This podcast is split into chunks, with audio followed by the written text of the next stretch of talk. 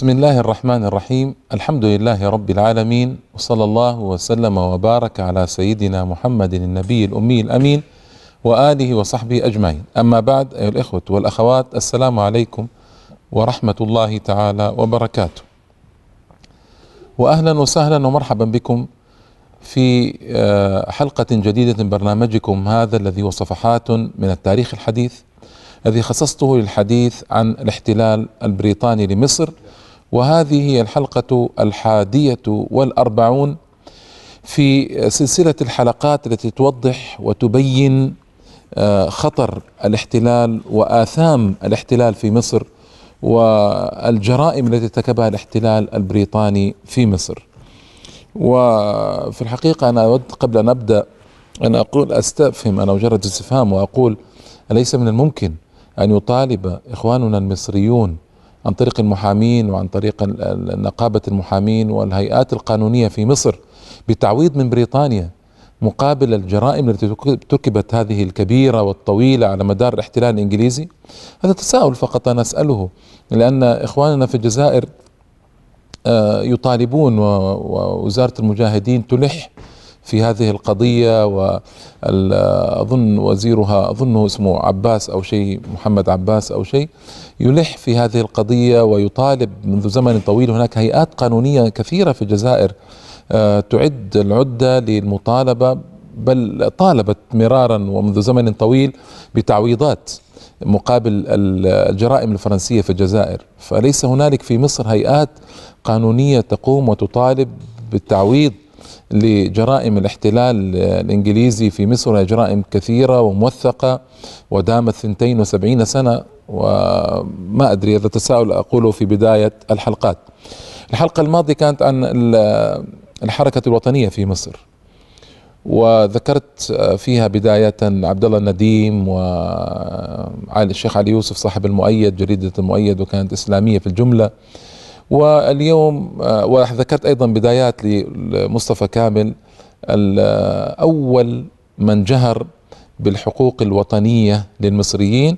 وذكرت أن من فضائل هذا الرجل المزايا أنه أقام الحركة الوطنية على دعائم إسلامية. يعني لم يكن مثل ما ستأتي بعد بعد أن انتهت هذه الحركة الوطنية بموته وموت آه، خليفته من بعد محمد فريد وخليفتهما حافظ بيك رمضان وانتهى الحزب الوطني تقريبا بانتهاء بموت هؤلاء. فجاءت آه، وزارات أو هيئات آه، وجاءت حركات أقامت الحركة الوطنية على دعائم علمانية. ولم تلتفت إلى الإسلام وقوة الإسلام وعظمة الإسلام وروعة الإسلام في تحريك الشارع المصري. بين مصطفى كامل بناها على هذه الدعائم. الإسلامية بوضوح وبقوة. أيضا آه، بنى حركة التحرر الوطنية على الاتصال بالدولة العلية العثمانية بمعنى أن هذه دولة دولة الإسلام ودولة الخلافة وأنها آه، لابد أن نرتبط بها وندافع عنها وبقوة. وذكرت هذا كله تقريبا في الحلقة الماضية. أيضا آه، والشيء الجديد الذي أقوله في هذه الحلقة أنه نادى بالدستور والنظام النيابي.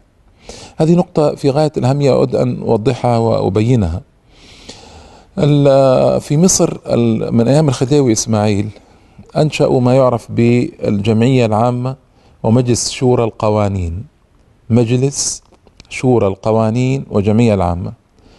واستمر المجلسان في عهد الخديوي توفيق ابنه وفي عهد عباس حلمي أيضا الثاني ابن توفيق.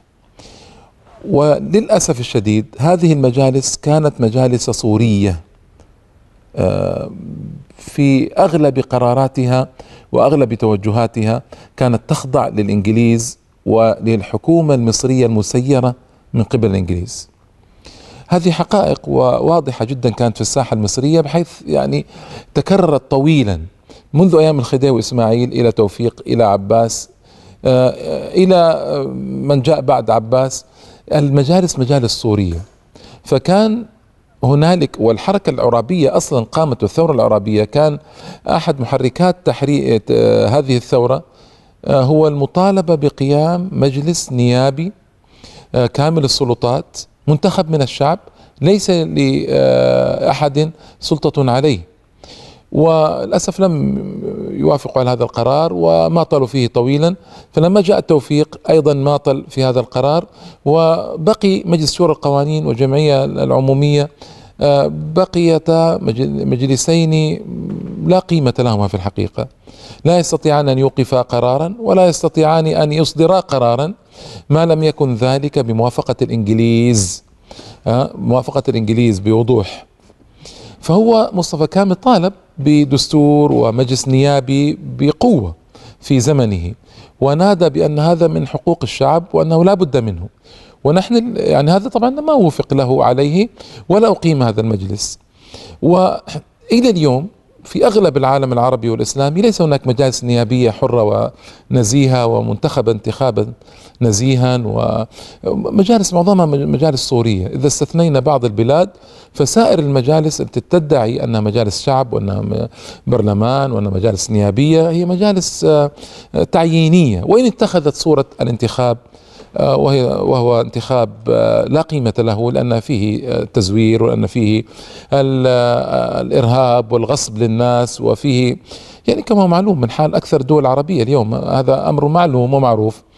فكان مصطفى كامل ينادي بوجوب إنشاء هذا النظام النيابي الدستوري. ما كان يلتفت له في الحقيقة بشكل جيد بل كان يماطل. يماطل وكان يلح ويماطل إلى أن توفي رحمة الله تعالى عليه.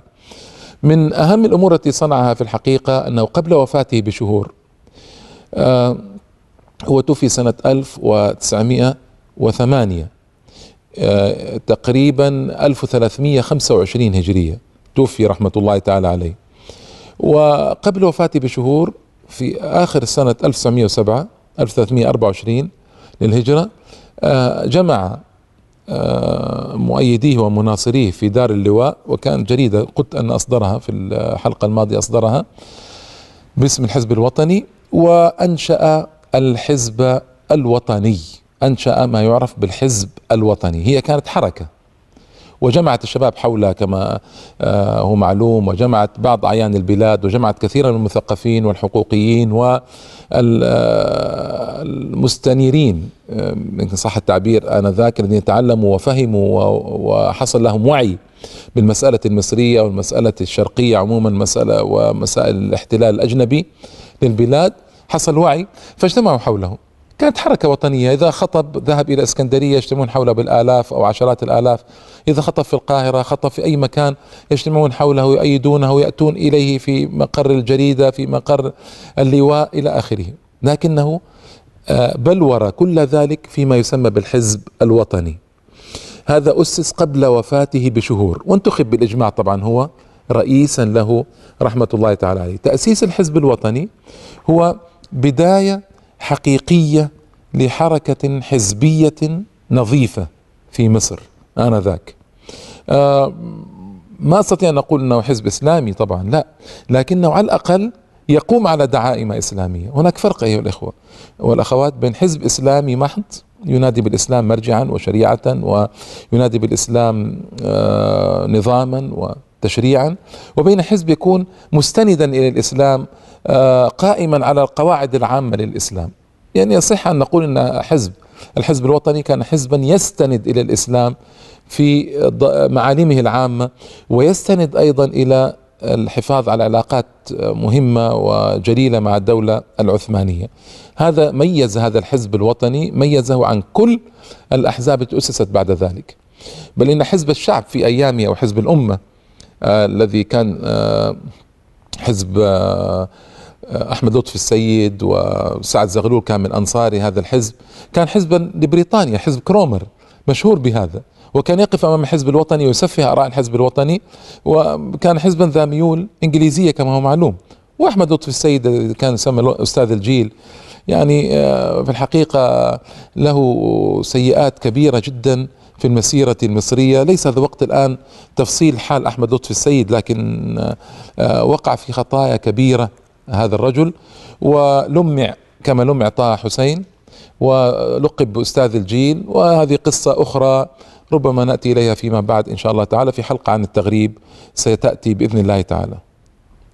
آه، مصطفى كامل آه، كان مساندا وبقوة الدولة العثمانية كما قلت حتى أن في القتال بين العثمانيين واليونانيين آه، كانت وقعت معركة بين العثمانيين واليونانيين.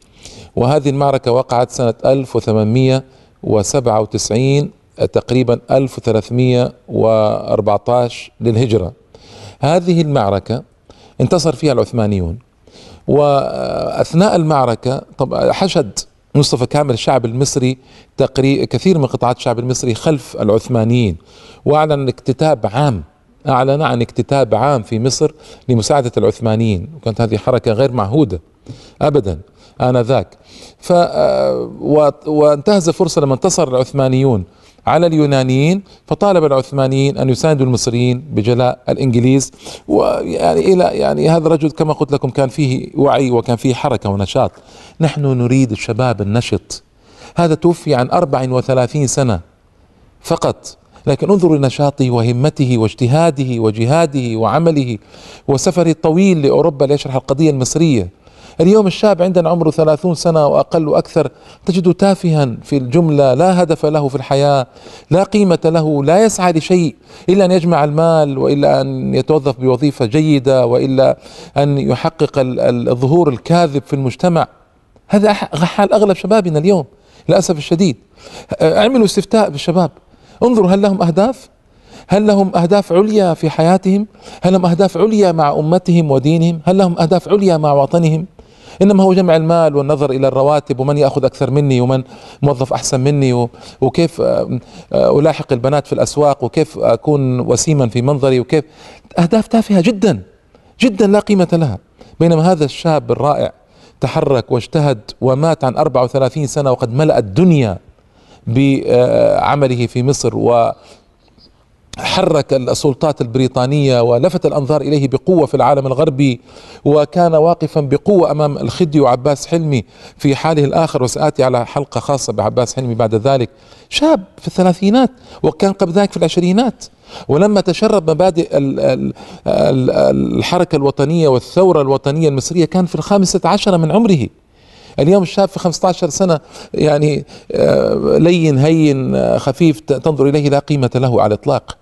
فانظروا إلى يعني هذا الرجل الفاضل وما صنع وما عمل وبعد الفاصل إن شاء الله تعالى سآتي على أيضا بعض أعماله الأخرى. فابقوا معنا يا الاخوه والأخوات.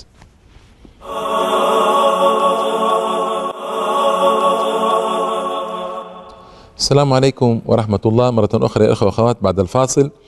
من كنت أتحدث عن مصطفى كامل الزعيم الوطني المشهور. في مصر وأسرد بعض أعماله. ومن أهم أعماله في الحقيقة التصدي آه للإعلام. وكان الإعلام آنذاك يعني الجرائد فلم يكن هناك إذاعة طبعا ما كانت اخترعت بعد. ولم يكن هناك تلفاز بالطبع ولا سينما ولا إنما كان الإعلام ينصب على الجريدة آه بقوة. هو الجريدة هي عمدة الإعلام آنذاك. فالرجل كان واعيا بأهمية الإعلام وأصدر جريدة في الحقيقة كان لها انتشار انتشار كبير آه، هي جريدة اللواء. بدأت متواضعة ثم بدأت تتصاعد حتى صار ما يوزع منها أربعة عشر ألف نسخة. أربع عشرة ألف نسخة وهذا عدد كبير. آنذاك إذا علمنا أن المؤيد وهي آه، ما هي وانتشارها آنذاك كانت توزع منها سبعة آلاف نسخة. سبعة آلاف نسخة لكن هنا أربعة عشرة ألف نسخة في آه، طبعتها وهذا أمر جيد ومتميز. لم يكتفي بذلك بل نظر إلى أن القضية المصرية تحتاج إلى تعريف الأجانب الذين يعيشون في مصر وخارج مصر خاصة بعد حادثة دون شواي التي سآتي عليها إن شاء الله في حلقة قادمة. فأصدر جريدتين مع اللواء Egyptian Standard جريدة الإنجليزية اللي تعبر عن لسان الحزب الوطني وأصدر جريدة أخرى بالفرنسية.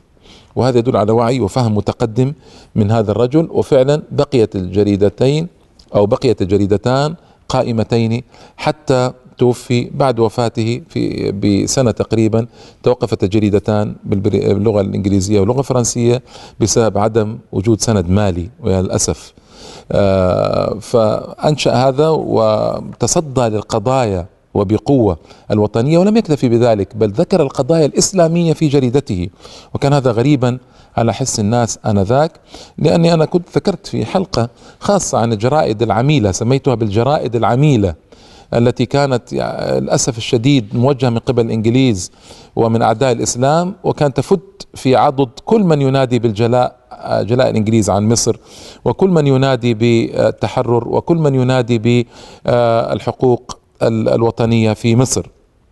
ورسم سياسته في هذه الجريدة بوضوح تام على المناوئة التامة للإنجليز حتى الجلاء بدون آه، مراوغة بدون تأجيل ومماطلة المفاصلة بينه وبين الإنجليز إلى أن إلى أن ينقلعوا عن أرض مصر.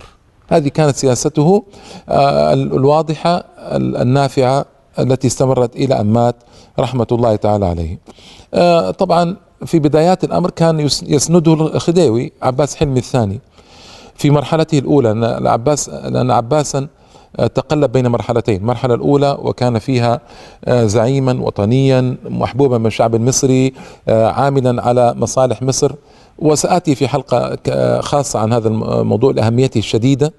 وفي دوره الآخر أو في طوره الآخر انقلب على الحركة الوطنية ومالأ الإنجليز وحصل ما حصل. فهو في بدايات آه، في طوره الأول كان يساند مصطفى كامل هو الذي أرسله إلى الخارج.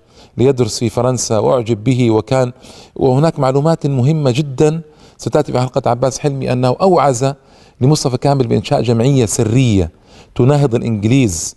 هذا عباس حلمي نفسه الذي مالأ الإنجليز بعد ذلك وسجن زعماء الحركة الوطنية سبحان الله في تغير غريب وتحرك عجيب. كان أوعز له بإنشاء جمعية سرية وأرسله إلى فرنسا وعاد وناصره وسانده وبقوة.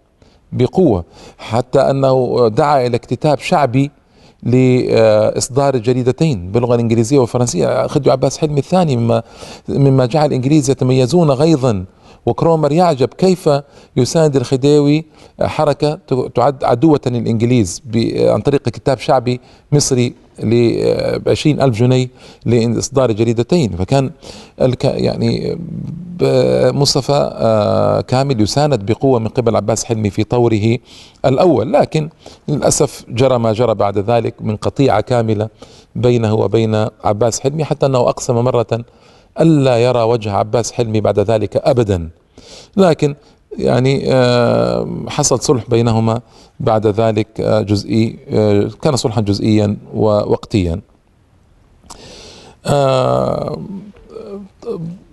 مصطفى كامل بسبب عمره القصير لم يستطع لم يستطع أن يبلور أفكاره كلها إلى واقع يجعلها واقعا شعبيا معاشا منظما. يقود حركة. يعني هو أنشأ الحزب الوطني كان إنشاؤه له في أواخر حياته وقت المرض الشديد. حتى أن أول خطبة له في إنشاء الحزب الوطني ومناصروه بجواره نزل من فوق سرير المرض وكان مريضا مرضا شديدا ليخطب في الناس الذين جاءوا بمناسبة إنشاء الحزب الوطني. فما استطاع أن يدفع الحزب الوطني إلى الأمام الدفعة اللائقة به بسبب هذا النقص الذي جرى عليه واستولى عليه.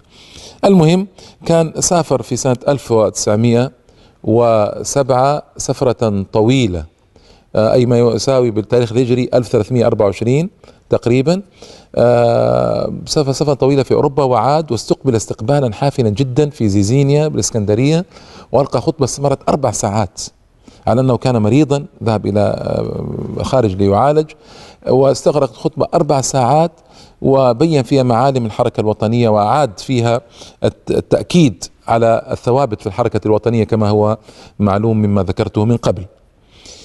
لما جاء ليموت دخل عليه الخديو عباس حلمي في ساعاته الأخيرة.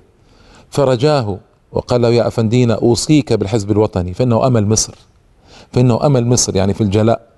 فوعده خيرا لكن للأسف عباس حلمي أدار ظهره الحزب الوطني بعد وفاة مصطفى كامل إدارة تامة ولم يلتفت له بل حاربه وزج بزعمائه في السجون.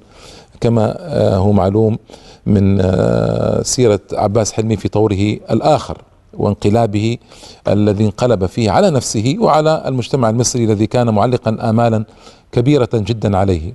وكان وداعا مؤثرا وكان بجوار علي فهمي كامل شقيقه وقال له آه هذا وأشار إلى محمد فريد بيك قال هذا هو الذي آه سأوصيكم بانتخابه من بعدي وهو خليفتي من بعدي وأوصيكم به خيرا.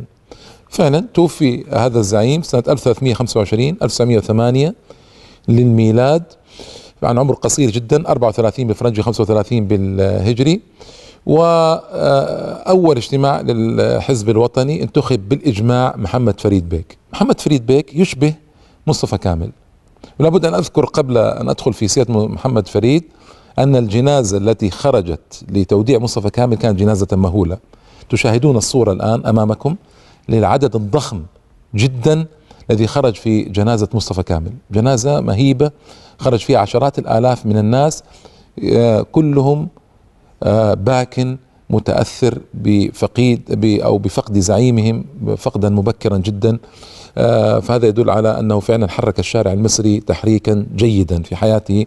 رحمة الله تعالى عليه وألحقه بالأبرار وغفر له ما كان من تقصير وجازاه أحسن جزاء بما قام به من أعمال صالحة. وأضرب طلاب المدارس وخرج الشعب لوداعه في صورة مؤثرة مؤثرة جدا. محمد فريد زعيم أيضا وطني أيضا آه، مرجعيته إسلامية في الجملة متعلق بالدولة العثمانية أيضا. آه، وما عاش طويلا أيضا مات في أوائل الخمسينات سبحان الله. الدولة العثمانية ألف كتابا يعد من أحسن الكتب التي ألفت عن الدولة العثمانية سماه تاريخ الدولة العلية العثمانية. آه، محمد فريد بيك. وناصر فيه العثمانيين وبين فضائلهم ومزاياهم بشكل رائع ورائع جدا. هو لم يكن مؤرخا بحيث يذكر المزايا والنقائص ويغوص أكبر. كتابه حجمه صغير لكن كان إصدار الكتاب مهما جدا في زمن محمد فريد. يوم اجتمعت الدول العالم تقريبا دعنا نقول اجتمعت دول العالم الغربي على إسقاط الدولة العثمانية. فكان إصدار الكتاب في وقته مهما ومهما جدا. ومحمد فريد آه، يشبه مصطفى كامل في إقامته الحركة الوطنية أيضا على دعائم اسلاميه وفي صلته الجيدة جدا بالدولة العثمانية. آه، حتى أنه لما نفي بعد ذلك إلى أوروبا وضيق عليه كان مصروفه يأتيه من الدولة العثمانية التي بمثابه والدة لكل المسلمين في أنحاء الأرض كما هو معلوم. آه، انتخب رئيس الحزب الوطني بالإجماع. بناء على وصية مصطفى كامل رحمه الله تعالى.